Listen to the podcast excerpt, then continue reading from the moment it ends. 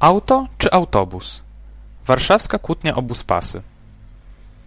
Od wielu miesięcy, a może nawet od kilku lat, trwa nieustanna kłótnia o to, czy w tak wielkim mieście jak Warszawa należy uprzywilejować komunikację miejską kosztem transportu prywatnego.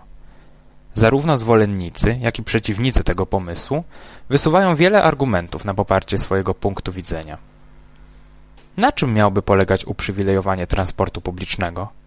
Jednym z pomysłów jest wytyczanie na ulicach buspasów, czyli specjalnych pasów ruchu, po których mogą jeździć tylko autobusy.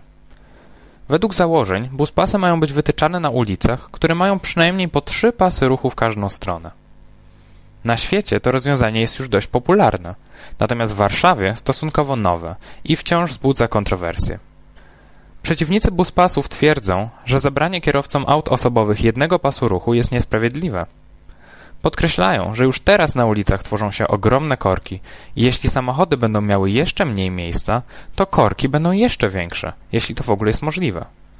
Zwolennicy buspasów uważają natomiast, że autobusy są w stanie przewieźć więcej osób na godzinę niż samochody. Według statystyk, jeden autobus przewozi tylu pasażerów, co 66 samochodów osobowych.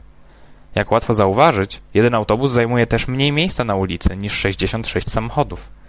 Nie wszyscy jednak dają wiarę statystykom. Jakie jest Twoje zdanie na ten temat?